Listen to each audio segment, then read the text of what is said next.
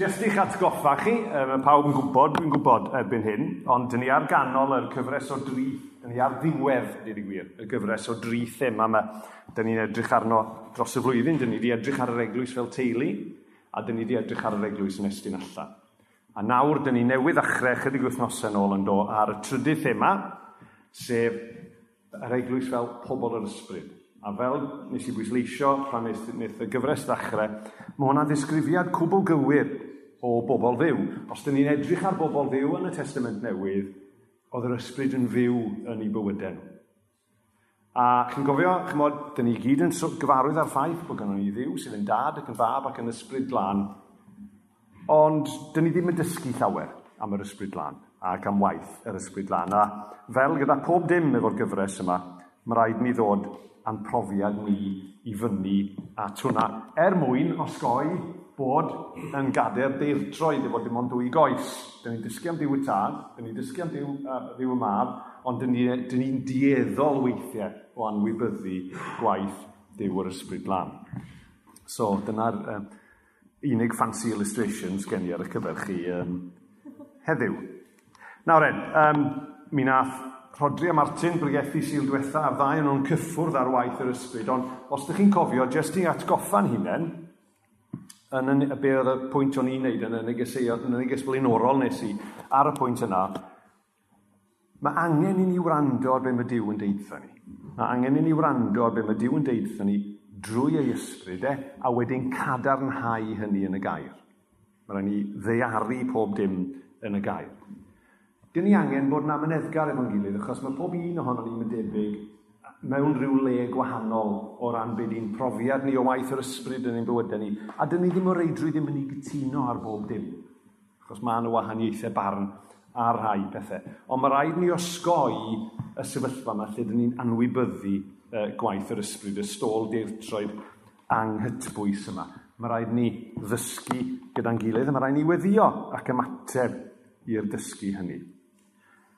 A'r tro dwytha, oeddwn ni'n pwysleisio mae'r prif rheswm am ddeall mwy am waith yr ysbryd lan a profi mwy o waith yr ysbryd lan yw fod e ni yn yn harwain ni i gynyddu yn mawl ni, bod ni'n fwy diolchgar, bod ni'n gwerthfarogi gwaith diw fwy, bod yn hyfuddod ni yn cael ei gyrraedd, bod ni eisiau bod yn ifydd a bod e'n tyfu o'r tu fewn i ni.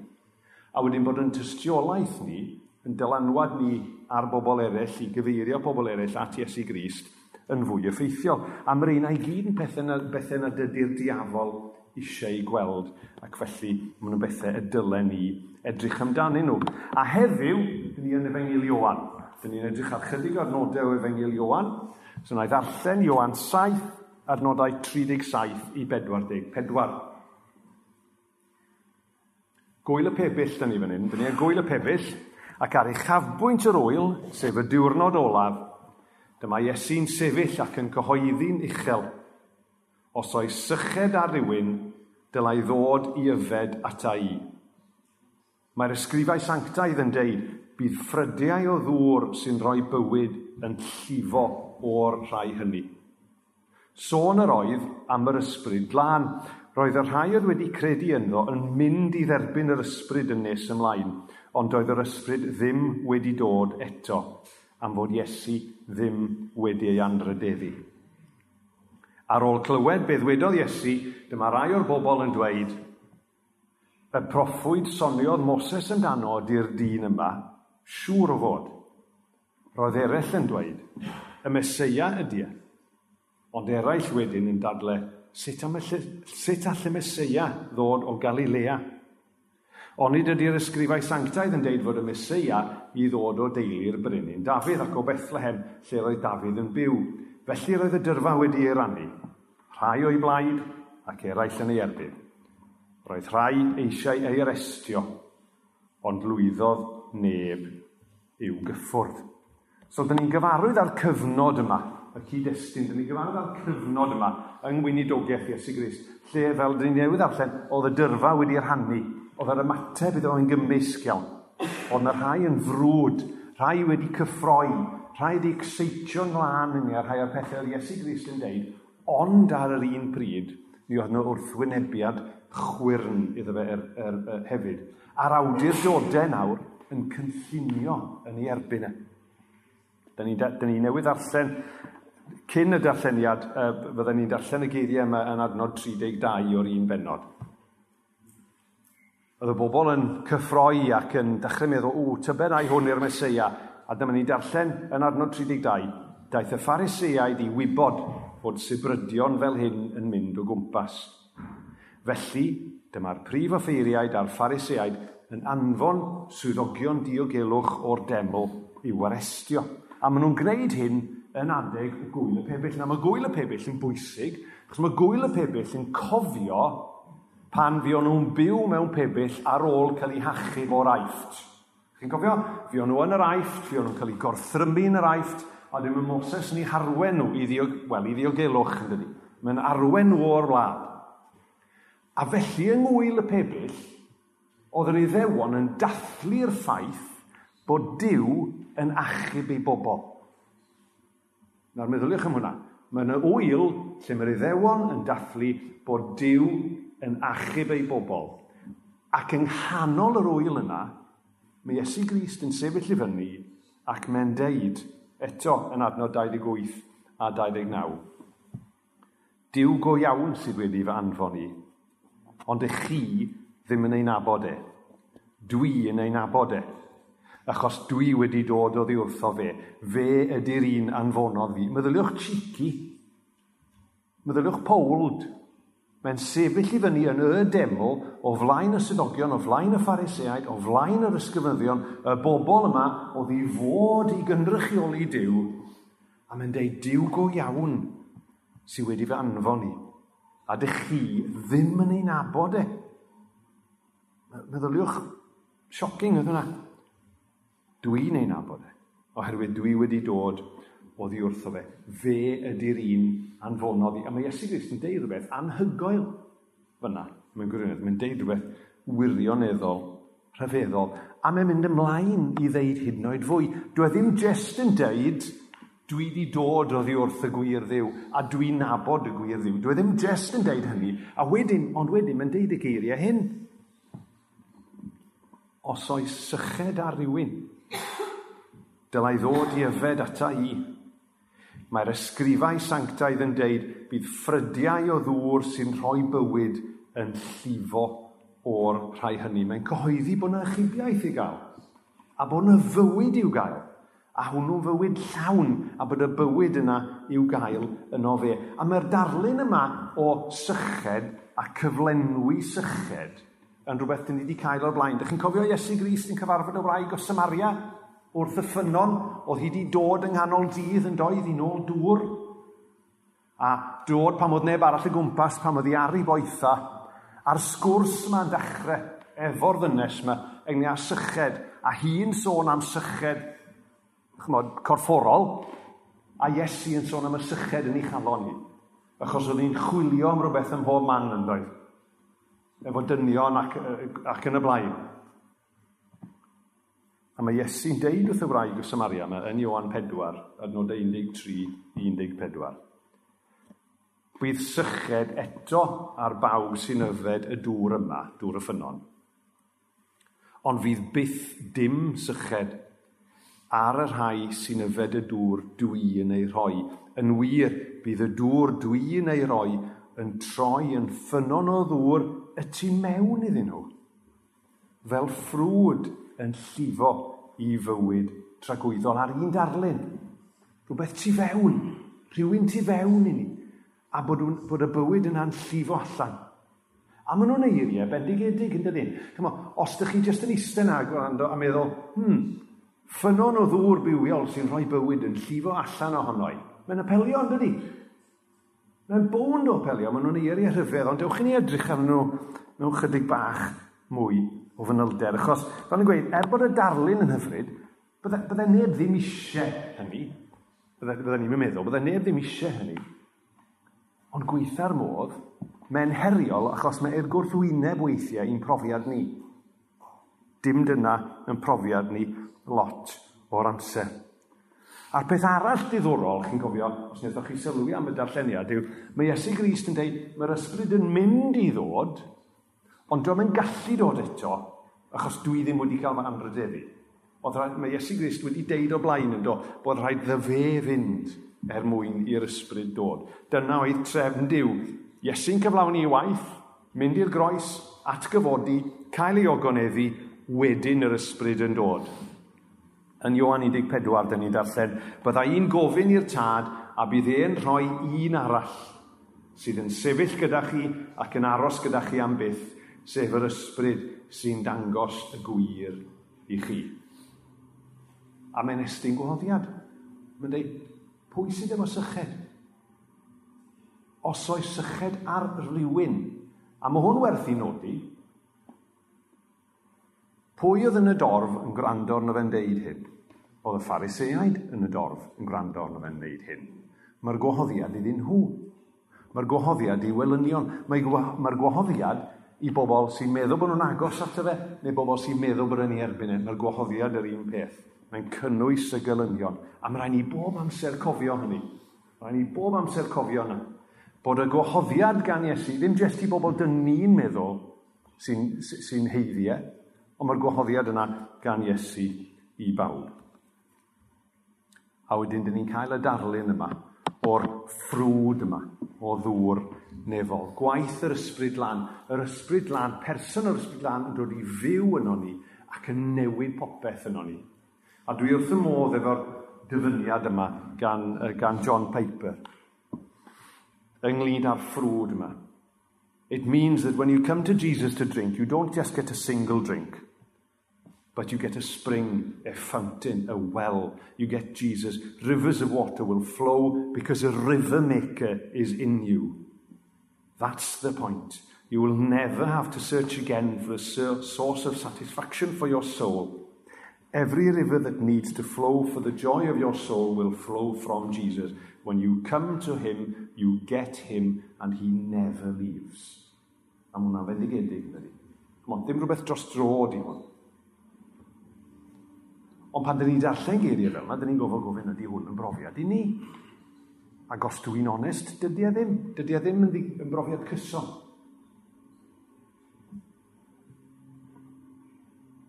Ond nid gofyn ydw i, ydyn ni byth yn sychedig. Gofyn ydw i, ydyn ni weithiau yn anghofio am yr un sy'n diwallu ein sychyd, sef yr ysbryd lan. Ydyn ni'n anghofio am yr un sy'n diwallu ein sychyd ni. Achos mae'r gwahaniaeth mae'r ysbryd lan yn addo, mae Iesu yn addo bod yr ysbryd lan yn mynd i wneud yn rhyfeddol, yn anhygoel. Mae Rhys yn defnyddio'r darlun yn aml. Chyfo, weithiau, os ydych chi fatha fi, ydych chi'n teimlo bod y tank yn wag. Chi'n gwybod weithiau? O, ydych chi wedi blino. Mae bywyd yn bwysau. Mae bywyd yn straen. Mae'r tank yn wag. Sut dwi'n mynd i gario ymlaen? a ydych chi'n flin falle ac yn ddifynedd, wel dyna sydd dwi yn ei gofyn o'ch wrth yn heili. Dyn ni'n teimlo bod y tank yn wahan. Ond, be mae Iesu Grist yn dweud yw, pan mae'r ysbryd yn dod, pan mae e'n dod i'n bywydau ni, mae'r ffynon yno ni. Ac wedyn yn sgil y ffynon yna, mae yna ffrwythau'n dod. Os ewn ni ymlaen i'r llythyr at y Galatiaid, penod 5, lle dyn ni'n cael yr hester hyfryd yma o ffrwythau'r ysbryd y ffrwythau yna sy'n dod i'n bywyd ni pan mae'r ysbryd yn yn llenwi ni. Ac eto, pwy fydda ddim eisiau rhain yn dweud? Cariad, llawenydd, heddwch dofn, amynedd, caredigrwydd, daioni, ffyddlondeb, addfwynder, hunanreolaeth, y pethau hyfryd yna. Y ffrwythau hyfryd yna, mae'r ysbryd yn datblygu yn ein bywydau ni, os dyn ni'n caniatau iddo fe wneud. Ac eto, Byddai hwnna'n lyflu, byddai. Byddai ni wrth yn bodd yn gwneud hynny. Ond mae'n yna fwy. Achos mae'n deud, pan mae'r ysbryd yn dod, mae'n ffrwythau yn dod, ond mae hefyd yn deud yn y gair, pan mae'r ysbryd yn dod, mae'n ddoniau yn dod.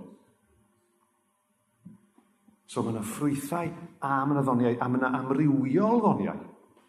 Yn 1 Corinthiaid 12 adnod 7, mae Paul yn deud, Mae'r ysbryd i weld yn gweithio ymywyd pob unigolyn er lles pawb arall.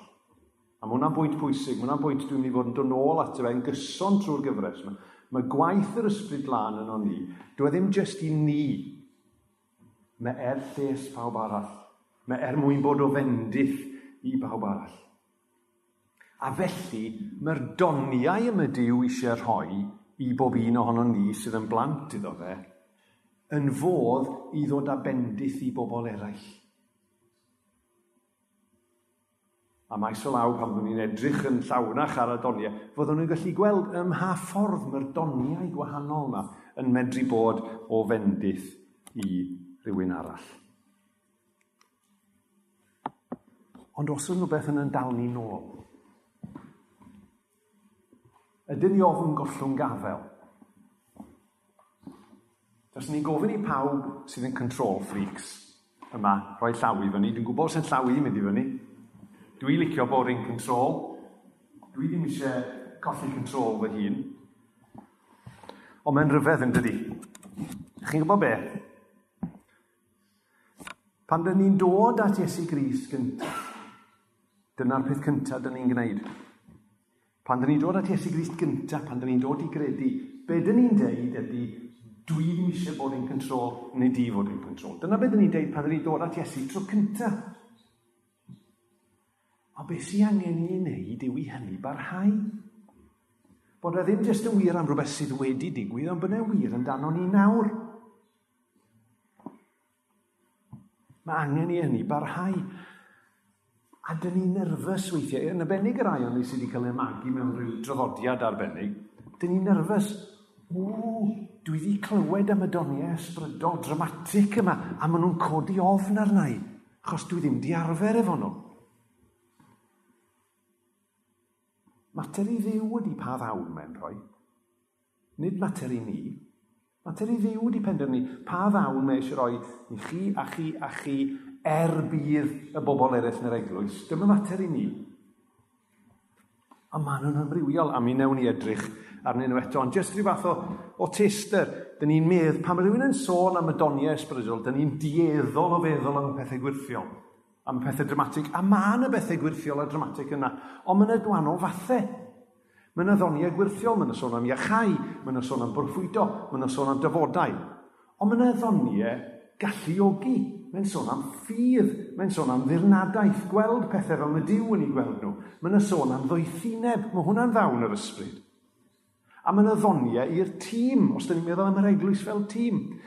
Dawn i efengylu, dawn i annog pobl eraill, dawn i weinyddu. Who'd have thought it? Mae'n ddawn ysbrydol gweinyddu. Y cwestiwn i ni ydy, be mae Dyw eisiau roi i ni, ddim jyst er yn mwyn ni, ond be mae Dyw eisiau roi i ni er lles eraill. Eto yn y llythyr at y Corinthiad, mae Paul yn deud y geiriau hyn. Rhowch flaenoriaeth i gariad. Hwna sydd wedi dod gyntaf. Ond ceisiwch yn frwd beth sy'n dod o'r ysbryd. So mae gan ddiw rhywbeth extra. Mae gan ddiw rhywbeth arall ar ein cyfer ni. A mae Paul yn deud ni am geisio hynny yn frwd. I grynhoi yn sydyn iawn, iawn, iawn felly.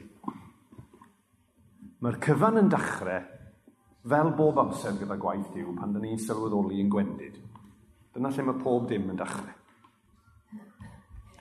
Ond y newyddion ffantastig yng Nghymru Efengil yw dyn ni ddim yn aros yn fanna. Dyn ni ddim yn aros yn yngwendid oherwydd y newyddion gwych yw bod yna fywyd i gael. A mae'r fyw, mae bywyd yna yn, byw, yn fywyd efo ffrydyn o ddŵr sy'n rhoi bywyd yn llifo. Dyna'r bywyd mae Iesu'n sôn amdano fe. Dyna'r bywyd mae e'n ei addo i'r rhai sy'n credu yna. Dyna be mae'n bwriadu ar yn cyfer ni. Dych chi'n cofio yn Iowan 10, 10, mae'n dweud, dwi wedi dod i roi bywyd i bobl a hwnnw yn fywyd ar ei orau. A weithiau, dyn ni'n byw bywydau llwm iawn pan dyn ni'n angen. Mae fel tysa ni wedi etifeddu ryw arian mawr a bod ni'n byw yn glawd. Ond os dim angen i ni wneud. achos dyn ni wedi etifeddu ar hyn mae Dyw yn fwriadu ar yn cyfer ni.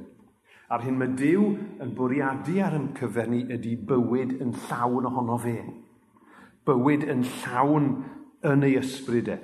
Bywyd sydd wedi ei brynu ar yn cyfer ni gan Iesu ar y groes. Mae ei eisiau ni fod a bywyd sydd yn llawn o ffrwyth. Mae eisiau ni a fod a bywydau sydd yn llawn doniau y mae e wedi ei roi i ni. Ac os mae dyna be mae e eisiau ei roi i ni, dyna be y dylem ni ei geisio. Mi ddylen ni ofyn iddo fe llenwi ni gyda'i ysbryd e, er mwyn i ni fyw er i glod e ac er lles eraill. Dewch yn ei weddio. o arglwydd dad, dyn ni yn diolch i ti am dy... Wel, am dy mynedd di ddechrau efo ni. Dyn ni'n gwybod bod ni'n rhyw ddisgyblion gwael iawn a bod ni'n dwp iawn weithiau, bod ni'n araf iawn yn dysgu pethau. Helpa ni weld arglwydd yr hyn yr wyt ti eisiau ei roi i ni. Helpa ni weld arglwydd yr hyn yr wyt ti eisiau ein bywydau ni fod yn fywydau llawn ohono ti, yn llawn o dy ysbryd di, yn llawn o ffrwyth yr ysbryd, efo doniau'r ysbryd yn amlwg yn yn gwaith. Arglwydd maddau ni'n rhyw nerfusrwydd ar yn rhan ni. Maddau ni'n bod ni'n swil i ofyn, er pan i ddod dros hynny arglwydd, ac i ni sylweddoli dy fo ti yn ddiw sydd eisiau rhoi pethau da i ni, a bod ni'n cael derbyn hynny. Arglwydd, nid i weithio yn ni nawr dros yr wythnosau a'r misoedd nesaf, er mwyn i ni ddysgu. Dysgu yr hyn rwy ti eisiau rhoi. Dysgu sut y dylen ni digeisio di. A dysgu wedyn sut y dylen ni ddefnyddio yr hyn yr wyt ti'n rhoi i ni. Ni'n gofyn hyn arglwydd.